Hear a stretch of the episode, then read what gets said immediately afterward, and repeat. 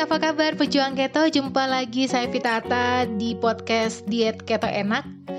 Hari ini kita obrolin tentang sejarah yuk. Wah, pada nggak suka sejarah ya, tapi penting nih supaya kita semua tahu dari mana asalnya diet ketogenik ini muncul. Jadi sejarahnya itu dimulai dari zaman Romawi atau Yunani kuno. Waktu itu ada anak yang kejang-kejang epilepsi dia diobati dengan cara dikurung di kamar untuk mengusir roh jahat dan berhasil. Tapi sebenarnya itu bukan karena roh jahatnya pergi, tapi karena ketika dikurung, dia nggak dikasih makan, nggak dikasih minum juga alias berpuasa. Nah, puasa ini menyebabkan kondisi kelaparan, ketosis. Peran puasa untuk perawatan kejang-kejang ini sudah dari ribuan tahun loh di kalangan pengobatan Yunani dan India kuno. Oke, kita lanjut lagi pada literatur Hippocratic Corpus on the Secret Disease dipaparkan bagaimana manusia sembuh dari epilepsi dengan berpantang makan dan minum. Di zaman kedokteran modern pun puasa sebagai perawatan epilepsi tercatat pada studi ilmiah di tahun 1900 di Prancis. Nah, memasuki awal abad 20-an, di Amerika dipopulerkan ide berpuasa untuk kesehatan oleh Bernard McFadden dan muridnya Hughes Cochrane.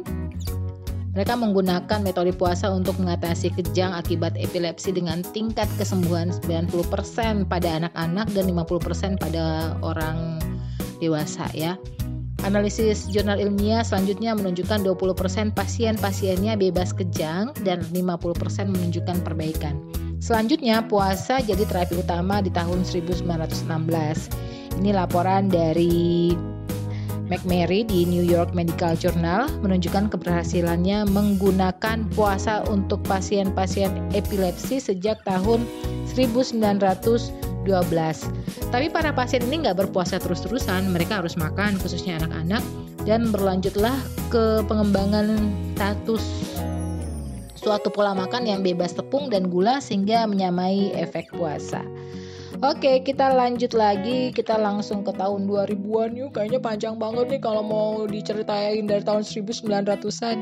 Terakhir di tahun 2016 ada hasil penelitian dari ilmuwan Jepang peraih Nobel Prize for Medicine bernama Yoshinori Osumi adanya efek dari puasa yang kemudian mengaktifkan sistem tubuh yaitu autofagi.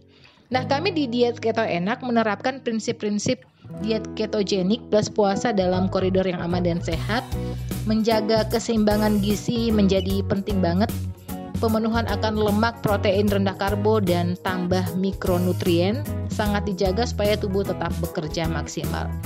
Lain kali kita akan bahas lagi mendalam seputar diet keto. Ada tips-tips juga yang praktis agar diet keto ini lebih bermanfaat. Oke, itu dia obrolan sejarah kita hari ini.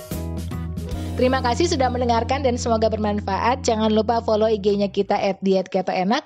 Kalau kamu butuh konsul atau butuh informasi selengkapnya, langsung WhatsApp aja ke saya ya di 081818943318.